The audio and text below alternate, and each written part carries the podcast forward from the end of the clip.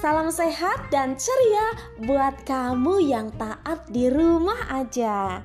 Nah, di episode kali ini Miss Yuli mau berbagi cerita Alkitab mulai dari kisah penciptaan. Nanti akan ada juga cerita versi dalam bahasa Inggrisnya juga loh.